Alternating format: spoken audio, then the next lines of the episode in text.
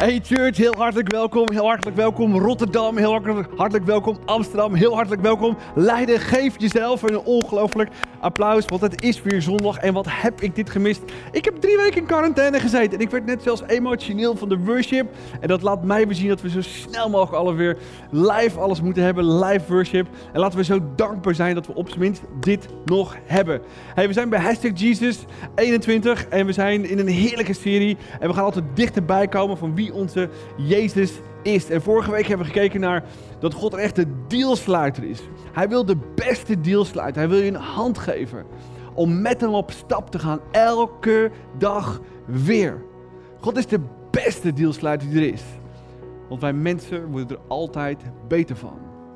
Ten koste van wat God ons allemaal wilt geven.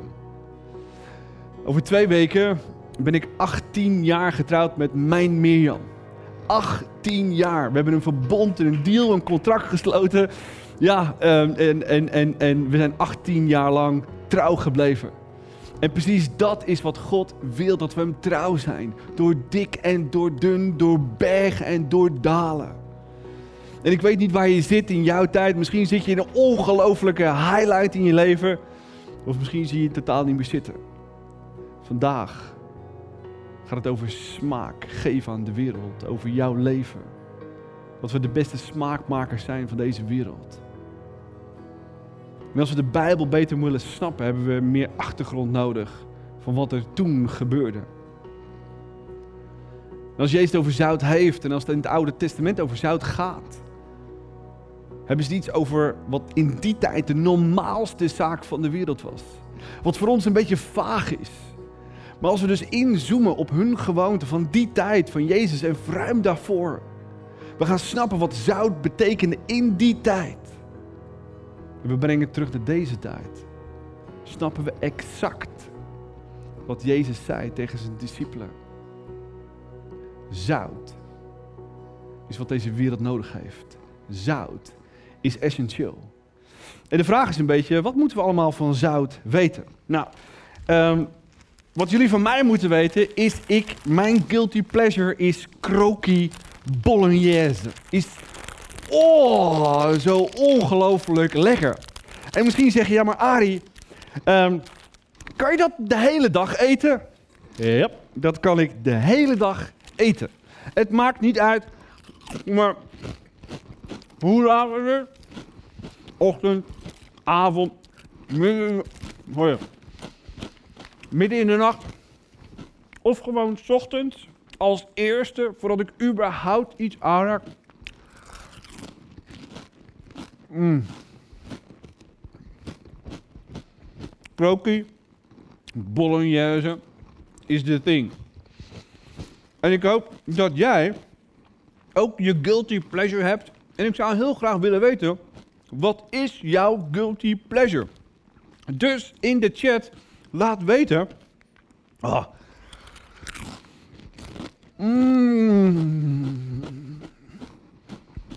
Zo lekker.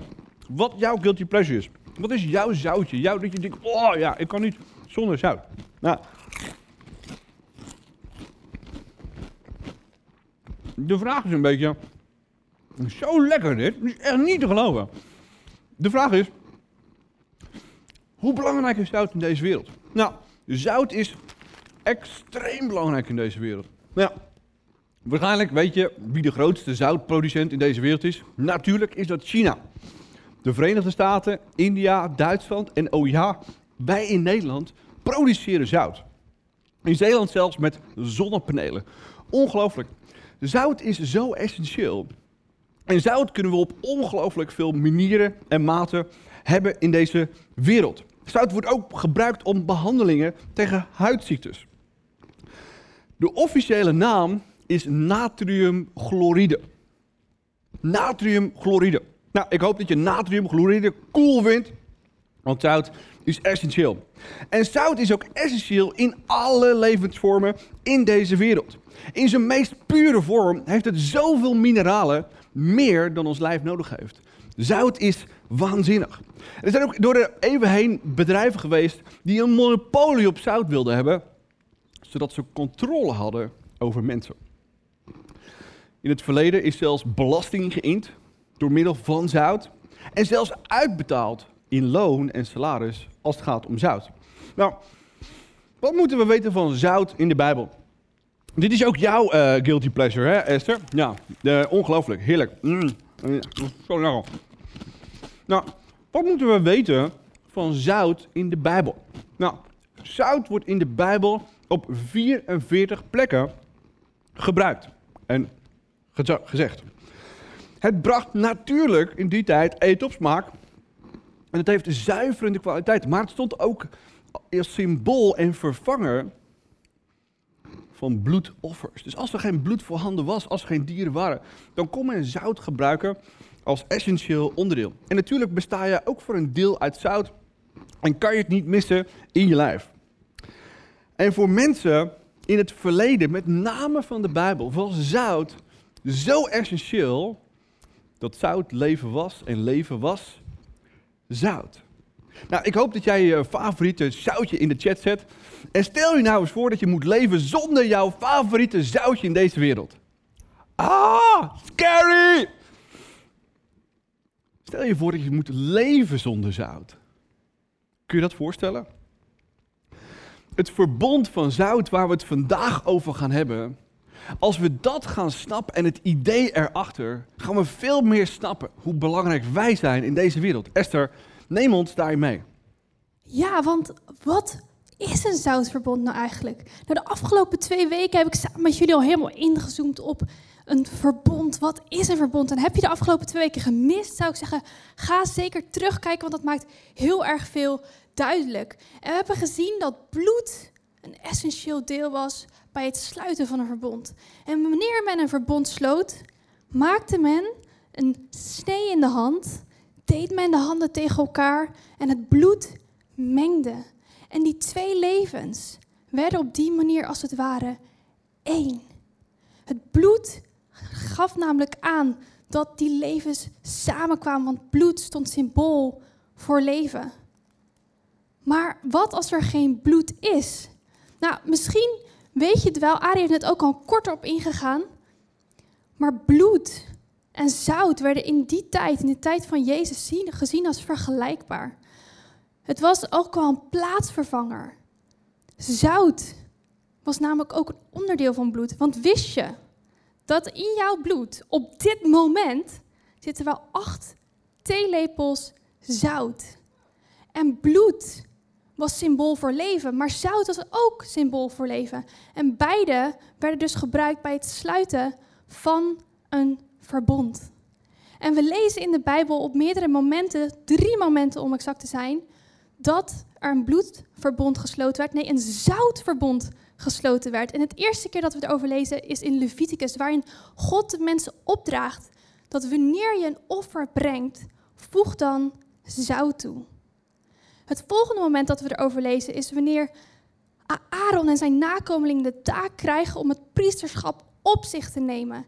En God zegt, deze taak is eeuwigdurend en die leg ik vast in een verbond van zout. En de laatste keer dat we in de Bijbel lezen over een verbond van zout is het gaat over David. Waarin David door God beloofd wordt dat zijn koninkrijk voor eeuwig zou zijn en dat dat vast was gelegd in een verbond van zout. En zo'n verbond van zout, dat was niet zomaar iets. Het was zo heilig, het was zo plechtig, hetzelfde als een bloedverbond. Maar dat zout, dat voegde ook nog echt iets toe, iets symbolisch. Het liet zien dat zo'n verbond net als zout voor eeuwig is. Het behoudt. Maar het geeft ook weer gezondheid. Het geeft weer leven.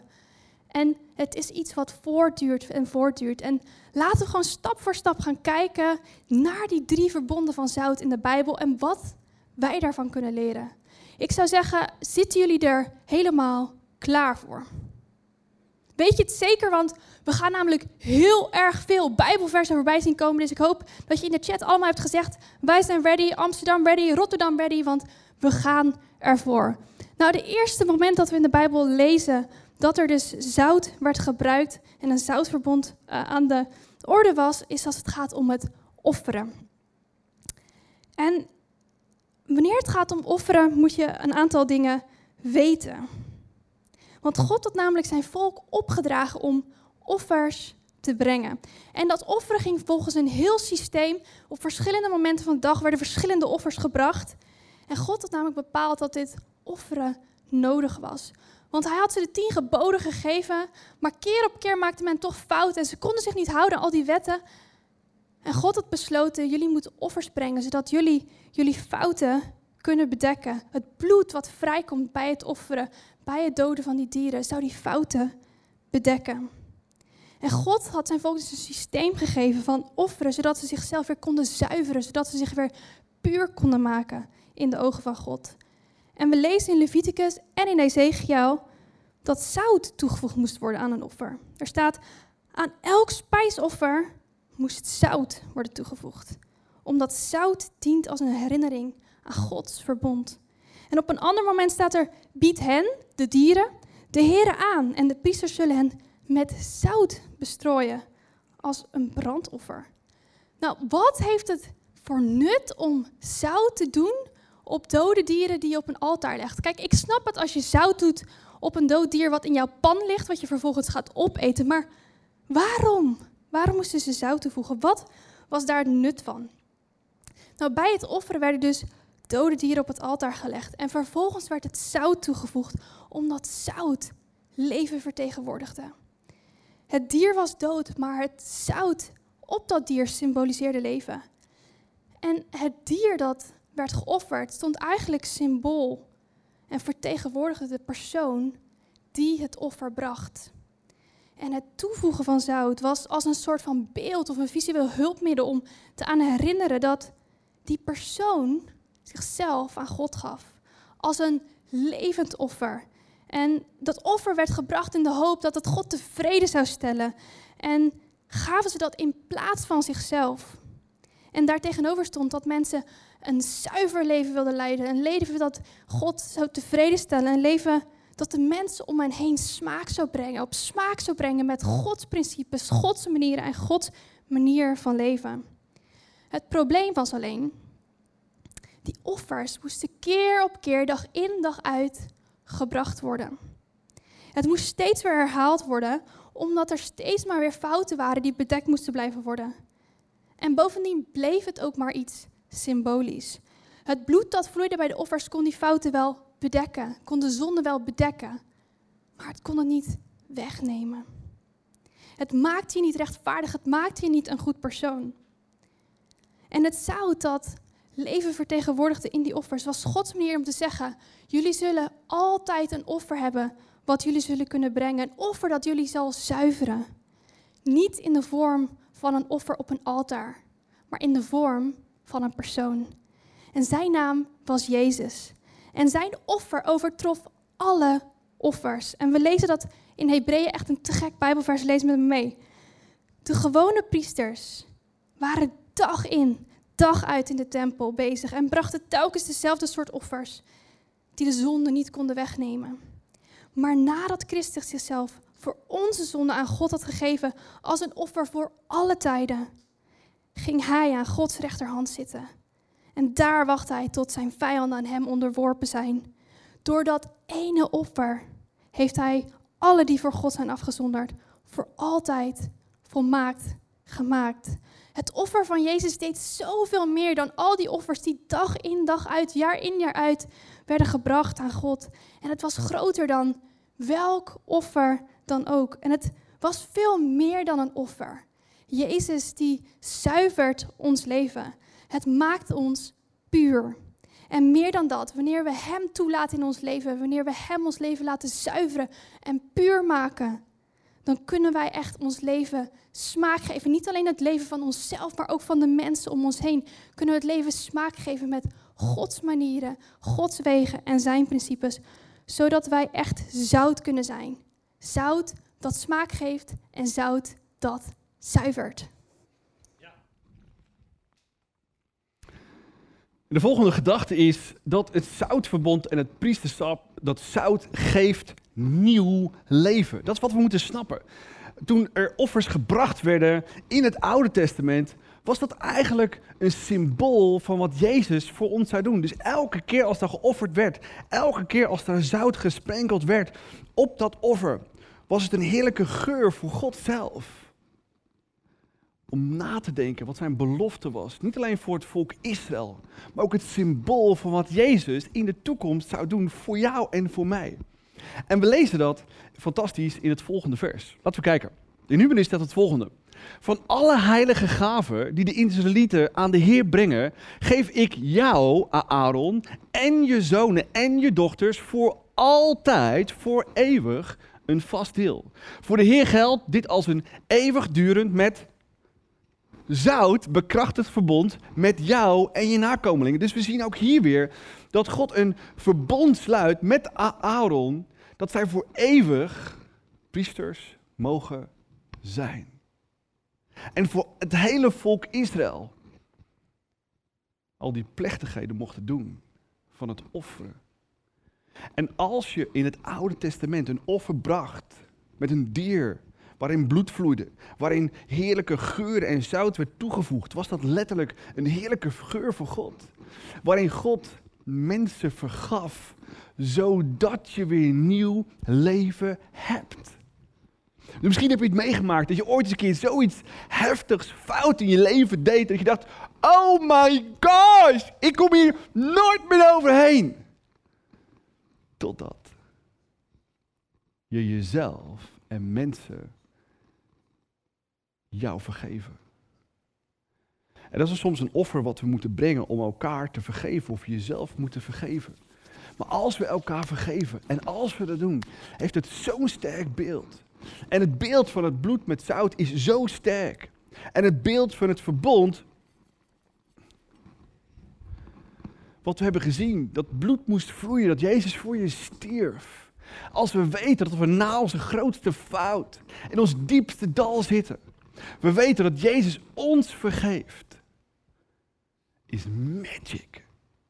Want dat is zijn eeuwig durende belofte aan jou en voor mij. Ik sterf voor jou. Ik hou van jou. Dat geeft nieuw leven. En elke keer als we dat zout zien en keer als we dat bloed zien, moeten we snappen en begrijpen dat zout, dat een offer brengen, nieuw leven geeft. En dat het een voorloper was naar Jezus zelf. Laten we kijken wat er staat in Hebreeën. Een lang vers, maar het is waanzinnig. Er staat het volgende. God zwoer dat Christus altijd priester zou zijn. Wat hij nooit van andere priesters heeft gezegd. Alleen tegen Christus zei hij, God zelf, zijn vader. De Heere heeft een eed afgelegd en zal er nooit op terugkomen. Dat is zo fantastisch. God, als hij iets belooft, dan is dat voor altijd en komt hij daar nooit meer op terug. Applaus voor onze fantastische God en voor onze fantastische Jezus. De Heer heeft een eed afgelegd en hij zal er nooit op terugkomen. U bent de eeuwige priester. Daarom werd Jezus Christus het onderpand van dit nieuwe en betere verbond. Het oude verbond offeren van dieren voor vergeving van zonde en Jezus het nieuwe verbond stierf voorom was het eeuwige, laatste, beste offer om jou en mijn zonde te vergeven. Onder het oude verbond moesten heel veel priesters er zijn. Als een oude priester stierf, nam een jongere zijn taak over. Maar Jezus leeft voor altijd en hij blijft voor altijd priester. Zodat er niemand anders meer nodig is. Halleluja, praise the Lord. Hij kan iedereen die door hem, door Jezus naar God toe gaat, van de ondergang redden. Hands up, die door Jezus gered zijn. Ik ben door zijn kostbaar bloed gered. Zout, het verbond, zuivert altijd. En hij zal er altijd voor ons zijn om onze belangen bij God te behartigen, lees hier. Daarom is hij precies de hoge priester die jij en ik nodig hebben, schrijft de schrijver hier in Hebreeën. Daarom is hij precies de hoge priester die we nodig hebben. Hij is heilig. Jezus is onberispelijk. Jezus is onbesmet. Hij was perfect. Hij is van de zondaars afgezonderd. Hij heeft de hoogste plaats in de hemel gekregen. Gewone priesters hebben elke dag bloed van offerdieren nodig om hun eigen zonde en die van het volk te bedekken. Maar Jezus Christus heeft eens en voor altijd alle zonde uitgenomen. gewist. Hij offerde, hij offerde zichzelf aan het kruis. Dat was zo'n offer. En we moeten snappen en begrijpen dat dat offer wat gebracht werd in het Oude Testament een beeld was, een symbool was van wat Jezus voor ons en voor jou ging doen. Zout, zuivert en geeft ons nieuw leven. Laten we kijken naar de volgende gedachte. Esther, neem ons mee.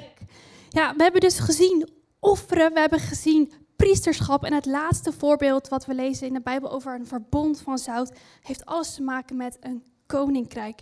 En dat laatste verbond wat we lezen is tussen David en tussen God. En we hebben vorige week al kennis gemaakt met David. En David was een koning, een man die een bijzondere band had met God. En we lezen dat God David een hele bijzondere belofte doet. Dat hij een eeuwig rijk zou hebben en dat dit bekrachtigd werd, deze belofte, met een zoutverbond. Laten we het samen lezen. Er staat, want wanneer u, David, sterft, zal ik één van uw eigen zonen op de troon zetten en zal zijn koninkrijk sterk maken. Hij is degene die een tempel voor mij zal bouwen. Hij, het zal een huis zijn waarin, waaraan ik mijn naam verbind. En zijn koninkrijk zal ik tot in eeuwigheid laten voortduren. Ik zal zijn vader zijn en hij zal mijn zoon zijn. Als hij zondigt, zal ik andere volken gebruiken om hem te straffen, maar ik zal mijn liefde en vriendschap niet van hem terugtrekken. Zoals ik dat bij uw voorganger Sal deed. Uw familie zal voor eeuwig dit koninkrijk regeren. Uw troon zal niet wankelen. Wauw, wat een mega grote belofte maakt God hier aan David. Aan David niet alleen, maar ook aan zijn nakomelingen. Zijn familie zou voor eeuwig op de troon zitten. Nou, fast forward, heel veel jaren later, na de dood van David en Salomo, is het koninkrijk helaas verdeeld in Noord en in Zuid. En Jeroboam is koning van het noorden. En Abia is koning van het zuiden. En wat je moet weten is dat Abia een nakomeling was van David. En dan staan ze op, op het punt dat er oneenigheid uitbreekt. En er, ze staan op het punt om in oorlog te gaan. En ze staan samen in een dal, twee troepen tegenover elkaar. De troepen van Jeroboam nog veel groter dan die van die Abia. En op dat moment herinnert Abia Jeroboam maar aan dat God een verbond heeft met hem en zijn nakomelingen. En hij zegt, u zou toch moeten weten dat de Heer, de God van Israël, het koningschap over Israël voor eeuwig aan David en zijn nakomelingen heeft gegeven. In een met zout bekrachtigd verbond. Met andere woorden, blijf uit onze buurt, want God staat aan onze kant. En Abia haalt dit verbond aan om Jeroboam op zijn plek te zetten. Want het verbond had zoveel gewicht. En hij hoopte dat als hij dit verbond aan zou halen, dat Jeroboam zou zeggen: Troepen, we leggen onze wapens neer. Maar dat gebeurde niet. Maar we lezen wel aan het einde dat Abia, hoewel hij met veel minder troepen was, toch de overwinning behaalde. En ze staat er: Zo moesten de Israëlieten de mensen, de troepen van Jeroboam, die dag het hoofd buigen. Oftewel, ze hadden een nederlaag. Terwijl de Judeërs de overhand kregen omdat zij hun vertrouwen stelden in de Heer, de God van hun voorouders. En het verbond van zout dat God had gesloten met David gaf de nakomelingen vele jaren later bescherming. Het was een teken dat God altijd aan hun kant was en altijd bij hen zou zijn. Zoals zout conserveert, zodat dingen niet vergaan, zo symboliseert dit zoutverbond dat het voor eeuwig was, dat het niet te breken was en dat God altijd aan de kant van David en zijn nakomelingen zou staan. Maar we hebben dus nu een heel goed beeld van zout in de Bijbel, wat het betekende. We weten wat een zoutverbond was, maar misschien vraag je je nog steeds af, maar wat kan ik daar nou mee?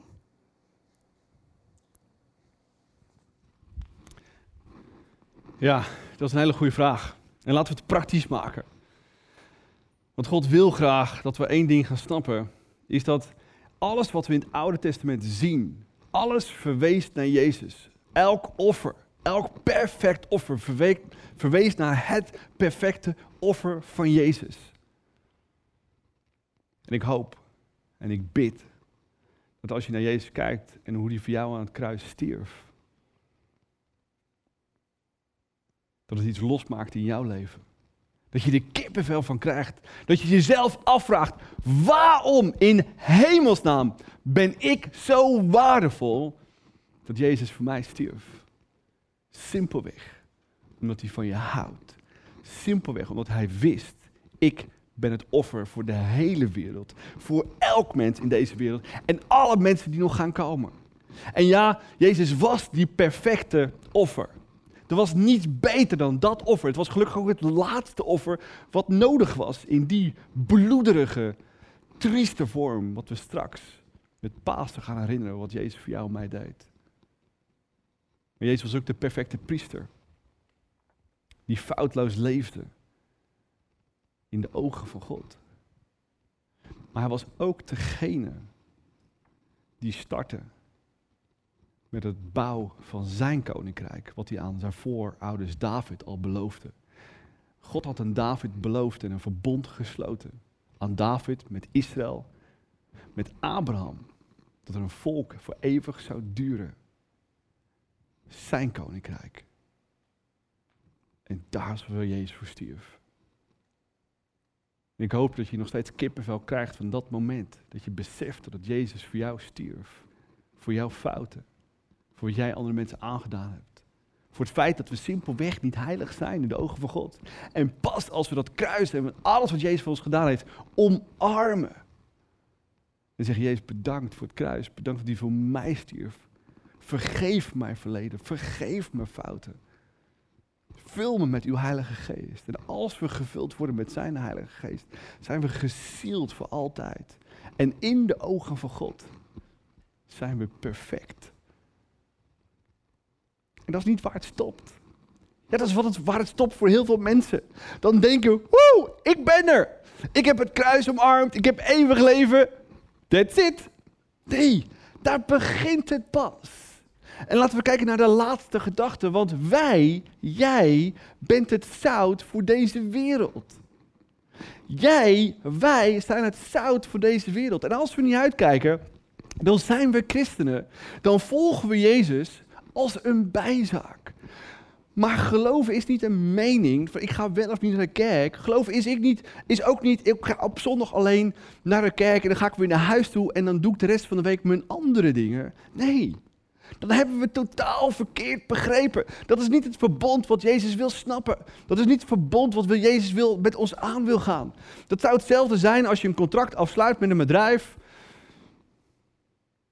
Je zet een handtekening onder en je ziet daarna elkaar nooit meer. Als je een contract tekent met een internetbedrijf, dan wil je elke dag internet, niet alleen op zondag. Als je een product koopt, dan wil je hem elke dag kunnen gebruiken, en niet alleen op dat moment. Wij zijn het zout voor deze wereld. En Jezus volgen is niet alleen op zondag, maar juist voor de rest van de week.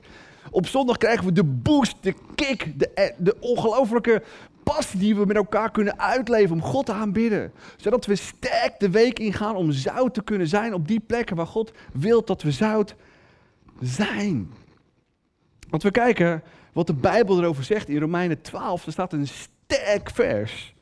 Ik zeg u daarom, vrienden, Ari, Esther, jij, mensen Rotterdam, Amsterdam, Leiden, dat u zich helemaal, helemaal is, helemaal is helemaal, helemaal is helemaal, ja. Sterkvest, heb ik gezegd, ik heb je gewaarschuwd. Moet wijden aan God. Te meer omdat hij in zijn liefdevolle goedheid u dat aanbiedt. Laat uw lichaam een levend offer zijn. Een verbond. Heilig. Zodat het een vreugde is voor de Heer. Is alles wat jij doet en bent Los van je fouten, want die zijn vergeven.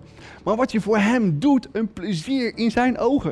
En misschien zeg je dan, ja, maar je weet niet wie ik ben en wat ik fout doe. Het is vergeven. Het is vergeten voor eeuwig. Maar is datgene wat je bent en doet, niet alleen op zondag, maar juist de rest van de week? Een plezier in Gods ogen. Ben je daarin elke dag met Hem aan het samenwerken? Want dat is wat we lezen in dit vers, wat hij wilt. Dat is de beste manier. Dat is de beste manier om wat? Manier waarop u God kunt dienen. Je dient God niet naar de kerk toe te gaan. Je dient God ook niet door naar een small group toe te gaan. Dat is goed voor jou. Daar word je sterker van. Daar word je beter van. Om wat te doen? Precies, om het zout in deze wereld te zijn. We moeten een offer zijn. God vraagt dat we een offer zijn. En een offer kost iets. We vragen ons dat af, wat kan God voor mij regelen? Ja, God regelt alles voor je. Zijn beloften zijn het beste. Maar de vraag, zegt, ik heb, zegt, de vraag is, God zegt, ik heb een verbond met jou gesloten. Ik geloof in je, ik hou van je. Ik heb Gods geest, mijn geest in jou gegeven. En wat ga je daarmee doen? En wat we van zout moeten snappen is, zout kan zijn kracht niet verliezen. Maar er kunnen wel twee andere dingen gebeuren. Je kunt het vermengen met heel veel dingen, waardoor het niet zo sterk meer is. En vaak mengen we in ons leven zoveel activiteiten, zodat we niet meer toekomen om onze zout, onze tijd, onze energie, onze passie, onze woorden van liefde voor mensen, niet meer daar te brengen waar het moet zijn. Zout verliest zijn smaak niet, maar het kan wel vertroebelen. En zout heeft ook geen reden meer als we het niet op de juiste manier toepassen. Nou, we hebben in de pre-show al heel veel gehoord over de Zuid-Afrikaanse braai. En ik kan je vertellen, dat is pas echt barbecuen. Als je daar aankomt met zo'n biefstuk, dan denk je als Nederlander, zo, nou, dat is toch wel heel wat. Nee, dat is te klein. Daar beginnen ze met zulke steaks.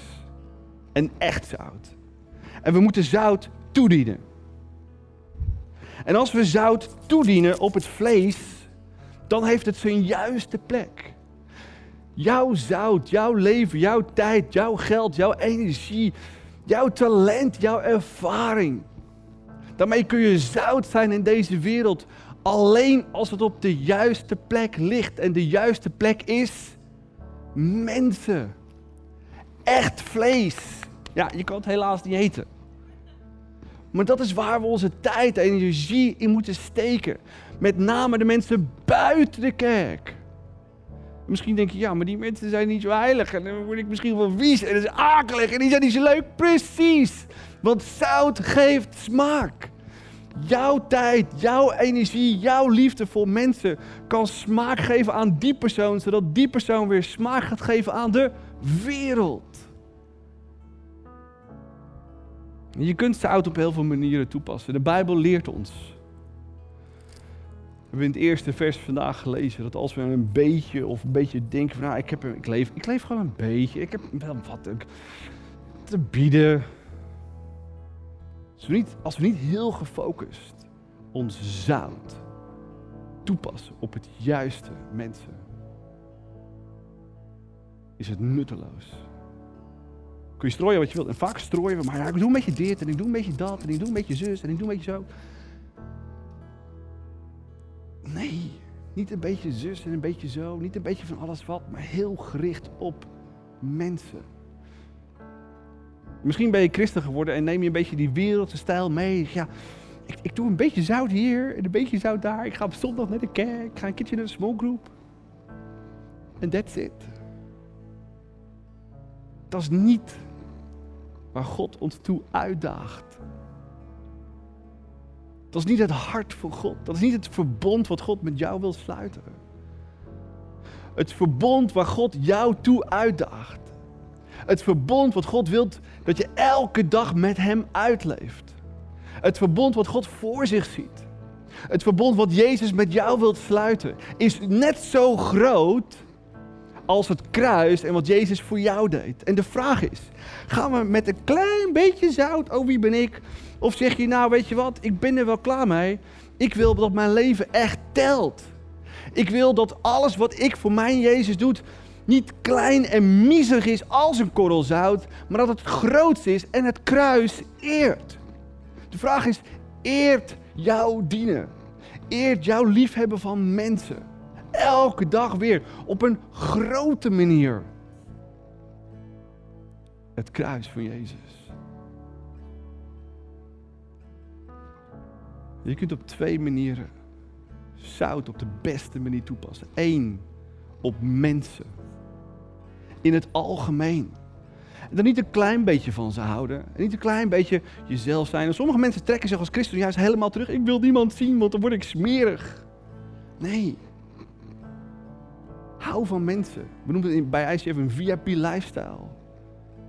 Hou van je broers, je zussen, je familie, je gezin. Je vrienden. Wat een verschil maak je in hun leven. Je familie. Je buren, je buurt, je collega's. Ben jij degene die binnenkomt, loop je werk. Goedemorgen! En het wordt weer een heerlijke dag. Ja, maar we hebben een hele zware vergadering. Oeh, daar heb ik echt zin in. Zout. Doe iets moois. Houd van mensen. En je kunt zout zijn op een hele heftige manier. Door echt diepe relaties met mensen te bouwen. Die Jezus niet kennen. Buren, vrienden, familie, gezin. En twee, je kunt jouw tijd, jouw energie, jouw financiën, jouw zout investeren in Gods koninkrijk. Zijn koninkrijk duurt voor eeuwig. Jezus begon de start van de kerk en de kerk in Nederland is leeg. En gelukkig zijn er zoveel goede initiatieven. Maar elke dag gaan nog steeds 300 mensen stoppen met naar de kerk gaan. En in de coronatijd wordt het waarschijnlijk nog een stuk minder. En zelfs in coronatijd kun je een zoutend zout zijn. Kun je investeren in mensen? Kun je afspreken met mensen? Kun je ze waarde teruggeven? Ik hou van je, jij doet ertoe. Ja, maar mijn leven is taf en moeilijk en ik ga je helpen. Voeg je zout toe op een machtige manier. En misschien zeg je, ja, maar dat kost me iets. Precies, je leven moet een offer zijn. Investeer je zout, alles wat God je gegeven hebt, in mensen. Maar investeer je zout, je talenten, je tijd, je ervaring, je financiën ook in Gods koninkrijk. Wat voor eeuwig zal bestaan. Alles in deze wereld vergaat. Behalve jouw tijd in mensen, behalve jouw tijd en energie in zijn koninkrijk, blijft voor eeuwig bestaan. Hoeveel mensenlevens zijn er al niet door onze kerk in Rotterdam, Amsterdam, in Leiden veranderd? Dat is de eeuwigheid waar we het over hebben. En het verbond wat God met jou wilt aangaan, is dat je elke dag niet jouw koninkrijk bouwt, maar zijn koninkrijk bouwt. Als ondernemer ben je elke dag op weg naar je werk met het bewustzijn, ik bouw zijn koninkrijk. Ik ga geld maken om zijn kerk te bouwen. Om als kerk beter in de samenleving te krijgen. Zodat mensen voor altijd en eeuwig veranderen. Als je investeert in jezelf, Doe je dat met het bewustzijn, ik word beter zodat ik meer geld kan verdienen? Of zeg je, ik investeer in mezelf zodat ik meer geld kan verdienen, ik kan investeren in het koninkrijk van God? Laten we groot omgaan met het geld en het niet voor onszelf houden, maar dat zou op de juiste plek komt en het zijn werk kan doen. Het offer wat God met je aan wil gaan is dat elke dag zijn koninkrijk te bouwen. En met name Elke dag. Elke dag. En alles wat je doet en bent, dan kun je elke dag zijn koninkrijk bouwen. Geef jou zout. De plek die het verdient. Offer het op. Voor mensen. In Jezus koninkrijk. Zijn kerk. Zijn mensen. Met het geloof dat wij een groot verschil kunnen uitmaken in deze wereld. Durf je morgen op te gaan staan? Met een nieuw perspectief. God, bedankt dat ik een levend offer ben. Dank, bedankt dat ik een priester ben in uw koninkrijk, in mijn gezin, op mijn werk, in mijn buurt, bij mijn vrienden. Durf je die uitdaging aan te gaan vanaf vandaag, vanaf morgen. Tegen God te zeggen: Ik doe nog maar één ding. Ik bouw uw koninkrijk. En mijn leven gaat een offer zijn. En mijn 18 jaar met Mirjam, mijn Mirjam, ons verbond met onze Jezus, was om zijn koninkrijk te bouwen. En zijn koninkrijk de hoogste plek te geven in ons leven. Elke dag. En ja, dat heeft ons veel gekost. Maar beter nog, wat heeft het opgeleverd? Zoveel veranderde mensen. Zoveel veranderde levens. En als God dat door ons heen kan doen, kan hij dat zeker door jou heen doen. Zullen we samen bidden? Dus dank u wel voor uw bent. Dank u wel voor uw liefde, voor uw trouw. Dank u wel dat u het laatste en perfecte offer was om alles los te maken in ons. Dat we weer waardevol zijn. Dat we ertoe doen. Niet om daarna zomaar ons gang te gaan, maar het, de challenge, het verbond, het contract aan te gaan samen met u om ons leven in geloof op te offeren aan mensen en uw kerk. In geloof ons leven en alles wat we hebben op te offeren voor mensen en uw kerk. Dat is waar u ons tot roept. Dat is waar u ons voor uitdaagt. Dat is wat u als voorbeeld gaf. U was niet alleen op zondag met uw discipelen. U daagde ze uit. U elke dag te volgen. En Jezus, het spijt ons dat we soms u in een hoekje steken. Alleen op zondag willen ervaren. Maar u heeft ons de Heilige Geest gegeven om elke dag een verschil te zijn in mensenlevens. Elke dag die uitdaging aan te gaan. En elke dag alles in ons leven te gebruiken tot eer van uw grote naam. Hier zijn we. We willen zout zijn. Wat de wereld weer hoop geeft, weer liefde geeft, weer smaak geeft. Juist in deze tijd hebben mensen woorden van liefde nodig. Van waardering. Hebben we uw waarheid nodig. Dat we er echt toe doen. En dat mensen ertoe doen. Gebruik ons als levend offer. Hier zijn we. En we willen niet meer van het altaar aflopen, want dat is vaak het probleem van een levend offer. Dat we misschien één keer doen, of een week doen, of een maand doen, of een jaar doen. Maar we willen het de rest van ons leven doen. Om dan bij u te komen en van u te horen. Goed gedaan. Bedankt voor je geloof. Bedankt voor je grote offer. Bedankt dat je voor eeuwig levens hebt veranderd. Welkom thuis en onze beloning in ontvangst te nemen. Zoveel beloftes die God maakt. En hij komt ze altijd na. Dank u wel voor wie u bent. In Jezus' naam.